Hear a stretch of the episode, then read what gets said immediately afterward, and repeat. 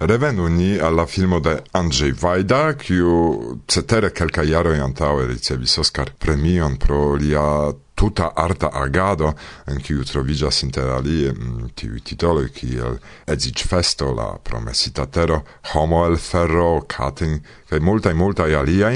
Kompreneble ankaŭ signoro Tadeo realigite estis en la pola lingvo, sed mi memoras ke dum nia unua renkontiĝo vi mencis pri la subteksto en Esperanto, kio fakte malfermas la bildon antaŭ la internacia publiko. To tio estas aparta interesa historio, kiam estis proximiganta Universala Congresso in Bialistoko, giuste tiam ni trovis la ideon, mi proponis al Lococo esperantigi la filmon, kai cetie concrete Elżbieta Karczeska ec agis suffice lerte, kai successis arangi permeson esperantigi la filmon, cer tio estas granda problemo. Kai finfine la afero esis tiel solvita che la posedanto de la filmo Lev Rivin consentis che ogni gin montru unu foie dum la universala congresso. Ciar vidu, ogni parola per regissero fama che tiel plu, se regissero finas la filmon ca in fino, li havas neiun plu comunan con filmo. Esa ciam iu kiu gin productis, kiu estas posedanto de la filmo. To ni successis la filmon presenti, Mm, estis eh, kiom da personoj no pli ol du mil. Eh, sed eh, dum la spektaklo partoprenis minimume mil personoj do la homoj interesiĝis. Sed poste venis alia ideo. Fakte antaŭ la kongreso venis la nepo de Antoni Grobowski, profesoro Kruszewski, kai mi interparolis kun li kai diris bone mi helpos vin mi donas monon kai ni eldonu diskoin che ni simple disdonos al la congressanoi e mia costo. Imago, ni tie exois, monon niam havis, ni iris al firmao kiu distribuis la filmon, la professoro mem venis por subscribi contracton, ca ni ricevis informon ke ne eblas, ke la afero fiaskis, pro tio ke tio Lefrivin esis arestita pro li tute aliaj aferoj. Do sed eh, non post eh, Kelka tempo pasis kelka jaroj, Małgosia Komarnicka sukcesis konvinki direktoron de tiu firmao ke oni produktu kwintek ekzempleroj. Sed la afero fakte ankaŭ fiaskis aŭ om eble ni tamen sukcesos. Ĉar montriĝis ke la pola firmao kiu distribuas la filmon havas rajton nur por Pollando kaj por montri la filmon en la tuta mondo tio estas rajto de franca firmao, ĉar la filmo estis produktita de kelkaj firmaoj. Do Francoj fakte havas eh, la rajton distribui la filmon de tuta mondo kaj tio estas tiaj problemoj. Ĉu laŭ vi vere plaĉis al la esperantistaro la filmo, ĉu dum prezentado de preskaŭ duhora bildo kun la poeziaj dialogoj ili simple ne enuiĝis? Kio estas fakte Signoro Tadeo? Tio estas uh, interesa romano, sed verkita verse. La tuta intrigo, tio, kio okazas diversaj bataloj kaj tuta historio, ĝi estas treege interesa kaj tre vigla. Andrzej Wajda pli malpli okdek procentoj de la tuta epopejo forlasis. Li erektis nur tiujn dudek procentojn, kie tutan tempon io okazas dank al tio mia familio, la familio Dobzinski, estas tie forte exponita, tio filmo, quancam oni ne credis che oni povas fari filmon interesan el poezio, tamen vaida tion faris bonege kaj filmo montriĝis granda sukceso. Milionoj da homoj ĝin rigardis. Oni pensis ke infanoj do lernantoj lernejo estis pelitaj per forte por rigardi tiun filmon sed montriĝis ke la homoj tre volonte ĝin rigardis. Do li rezignis kompreneble la tekstoj kiuj priskribas ĉirkaŭaĵon kampoj arbaron aspekton de konstruaĵoj, armiloj, vestoj, ĉar oni povis tion anstataŭigi fakte per la bildo, ĉu? Vi pravas, kelkfoje, tute sen vorte oni montras ekzemple pejzaĝon, mm. anstatavas per bildo mem la vortojn. Dum, Vajda koncentriĝis en agado, do faris ĝin kiel filmo el Hollywoodo aŭ westerno, ĉar estas multege da movo, multege da batalo, kaj pro tio la filmo fariĝis ege interesa. Sed kial Andrzej Wajda decidis komenci de epilogo? Ja gi troviĝas fakte ce fino de la libro. Do vidu, epilogo concernas la samain heroin, sed multa jaroin pli malfrue, kiam ili jam estis maliunai kaj vivis en Parizo, kai epilogo rememoras la historion. Kai tio estes interesa elir punto por la filmo, giuste per tiui vortoi Pri tio pensi sur pavim Pariza, dome oreloi zumas clacio griza sacras mensogoi, planoi primisceloi, malfrua pento cae damnai quereloi? Hove fugintoi, tempe de contagio, ni curis for cun timo sur visagio, terror nin gvidis, haltigis limbaroi, cae malamicoi shainis ec neibaroi felicio sola, ciam vagabondo apud cameno en amica rondo ferminte pordon de Europo brua, transiras pense al pli bela mondo, cae rememore la heimlandon juas.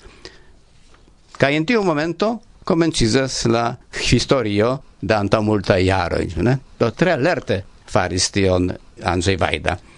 Do, mm, resume, multa esperantistoi scias iom, almeno pri Antoni Grabowski, eble kelkaj audis ankaŭ nomon de reĝisoro Andrzej Wajda, sed ĉu audis vi die for de Pollando, de Europo, ke iu scias sion pri signoro Tadeo, nia pola nacia epopeo?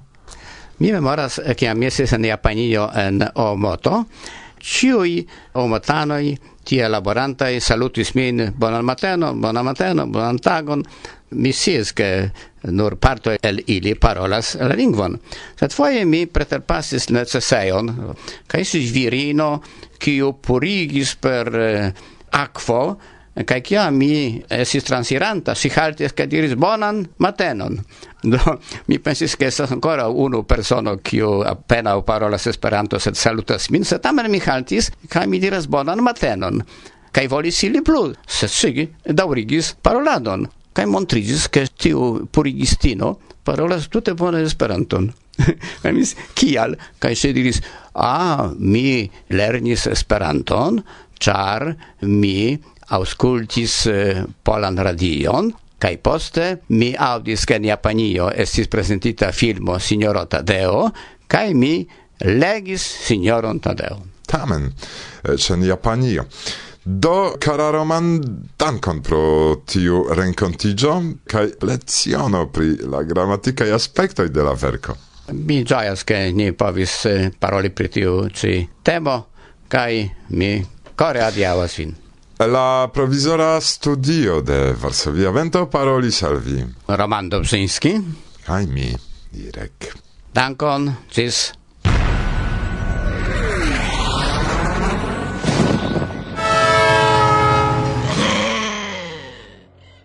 Mi estas Alicia. Varsovia Vento, bla, bla, bla.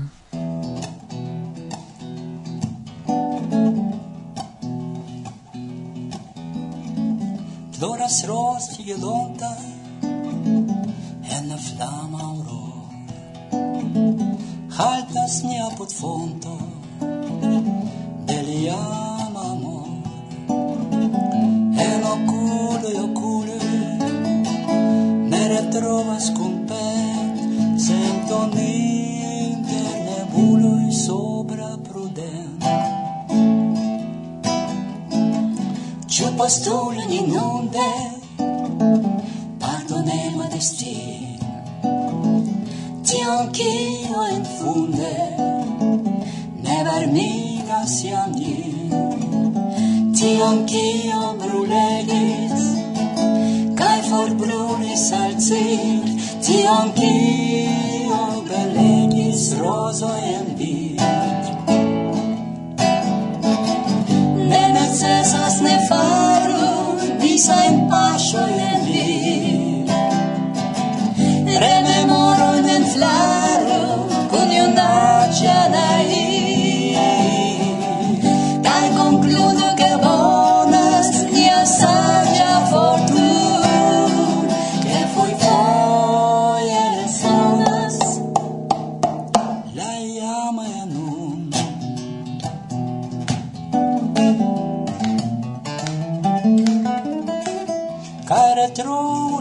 vorto Porre foie cao Cad anche cura sorto Se brulos la flam. Nascos plura in aurora Horizon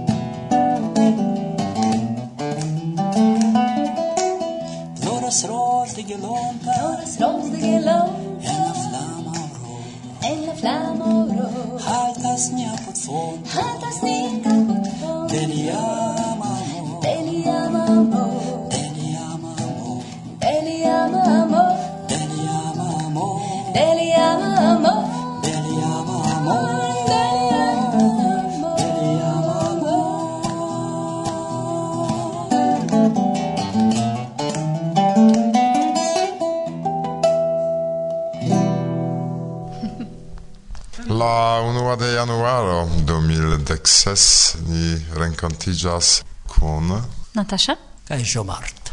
Mi spektis sekvan vian koncerton kaj mi aŭdis novajn kantojn. Kion oni povas diri pri tiuj novaj kantoj? Ah, mi devas diri ke novaj kantoj naskiĝas.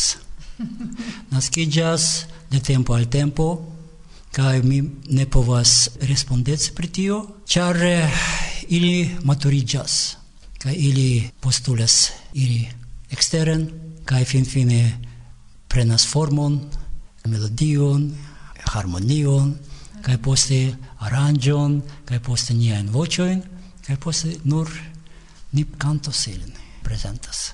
Ma kiel bona vino. Pri kiu rakontas tiu kanto? texto venas de Michaelo Bronstein, do li certe dediĉis gin al eh, iu ege charma kai amata knabino, ne scias al kiu, sed silentus. Lo mi ĉiam Esperanto tekste estas tiom enhavaj, ĉu ne estas multe da esenco kiun vi povas eh, inkludi en nur kelkaj linioj. Kaj do tiu kanto estas fakte reprezento de tio, ĉu ne? No, la mem teksto estas eh, ege bela farita, ploras ros de gelonte. Fakte ni havas stokon de diversaj tekstoj kiu diversaj homoj donis al ni dum jaroj jes ke ni faru kantojn. Mi trovis tion, mi eĉ ne scias kiam mi ricevis tion de Mikaelo jes. Mi trovis antaŭ nelonge eble antaŭ ses monatoj kaj pensis ke estas bona poezio kaj enhavas iun senton kiu estas vere grava por mi kaj Natasha kaj se estas ekde komence iu sento do povas ni poste aldoni niajn.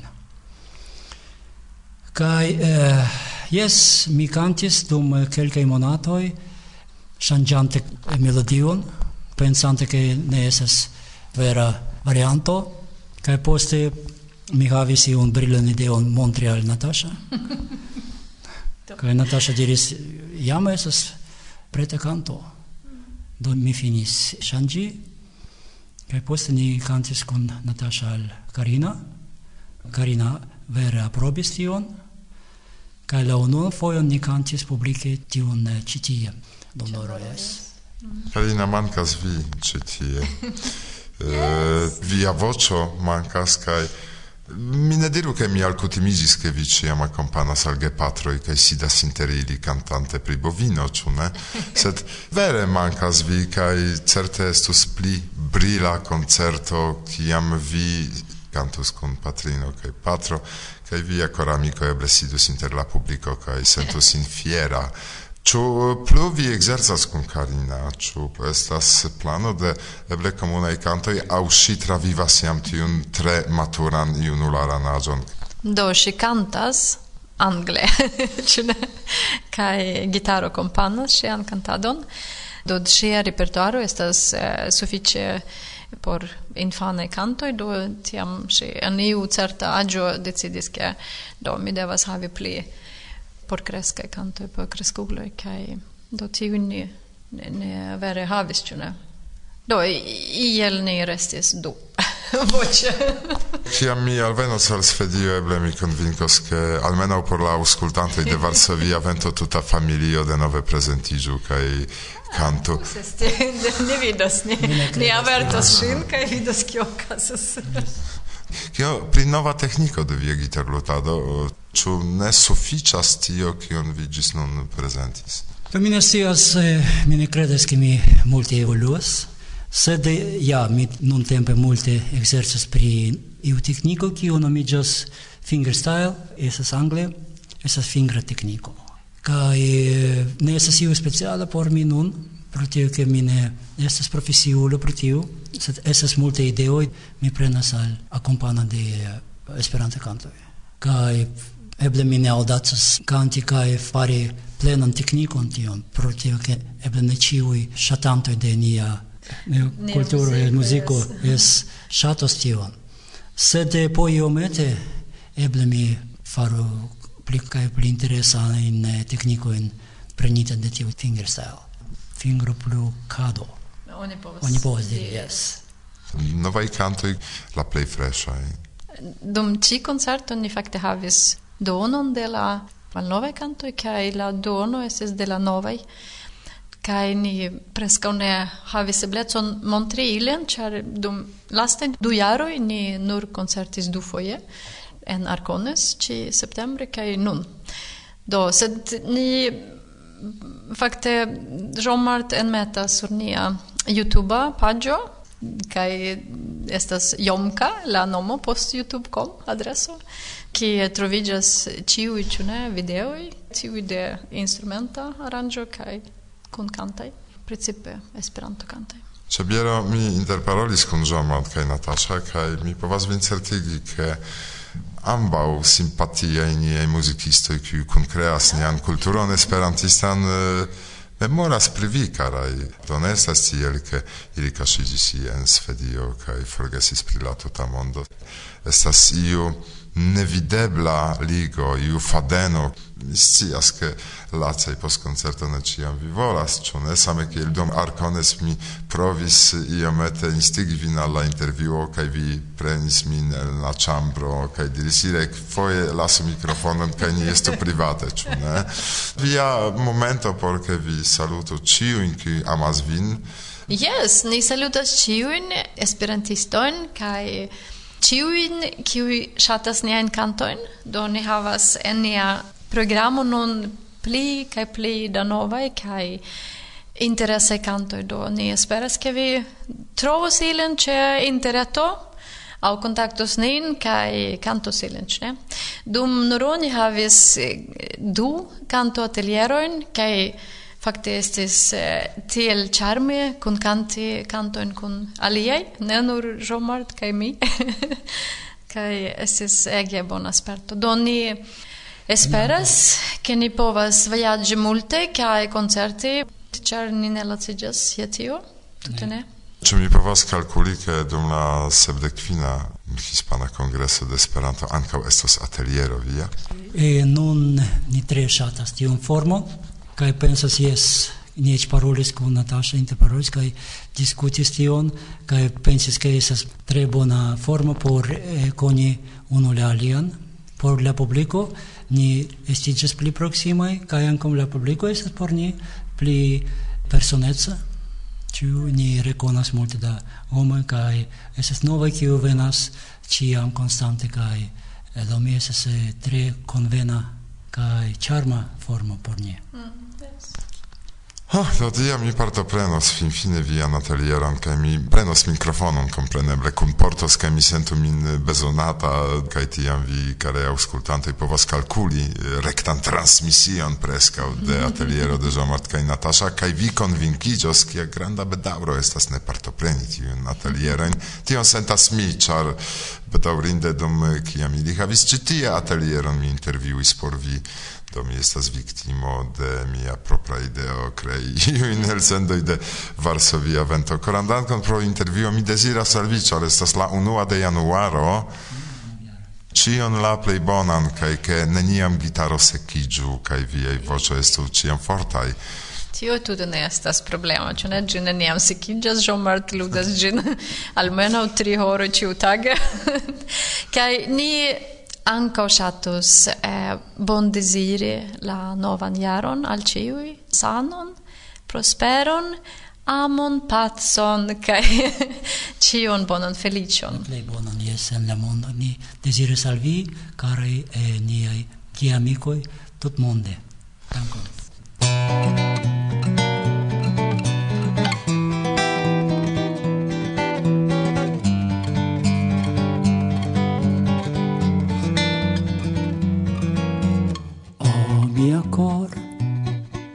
Ne batu mal tranquille El mia brusto nun ne salto for Iam tenimi ne povas mi facile.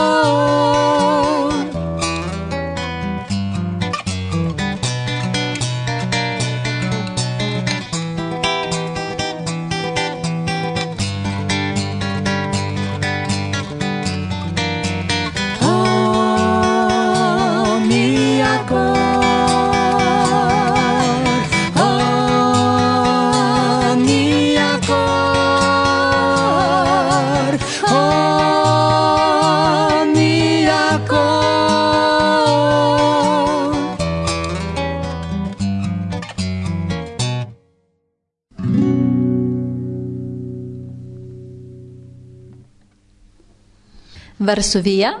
Vento. Bla bla bla. bla, bla, bla, bla, bla, bla.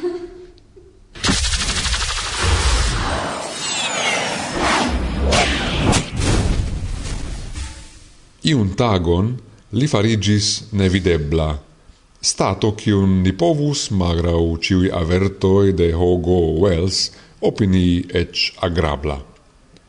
Tamen, citium privilegion condicis la limigo, che li raitis cesti, compreneble nevidebla, nur amica in conversazioin en heimoi cae trinceioi, en ciu ain urbo, en ciu ain lando.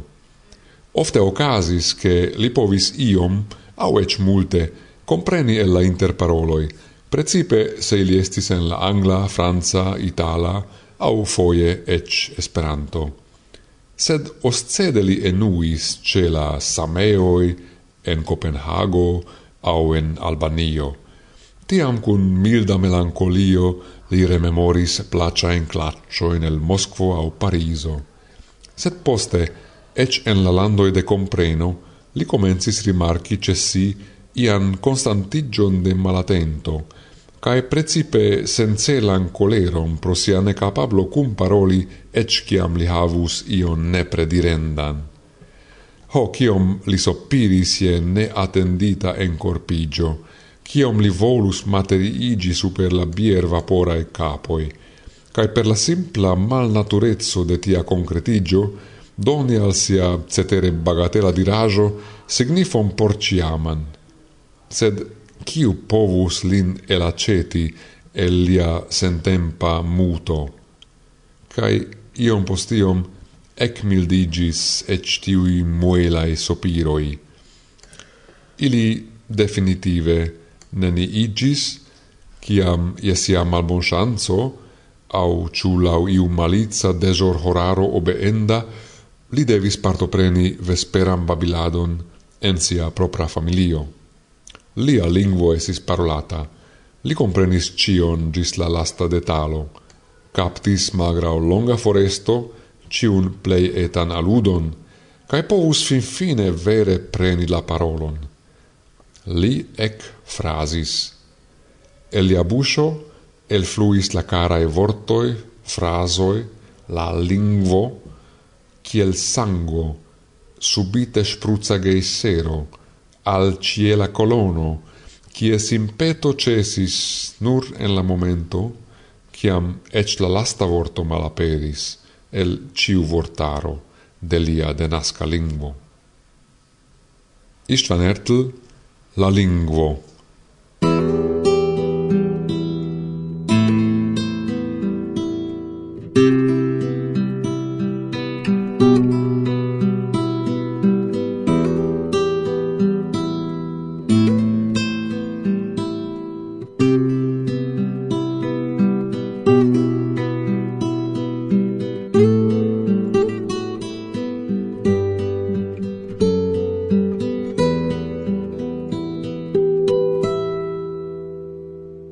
Varsovia vento bla bla bla.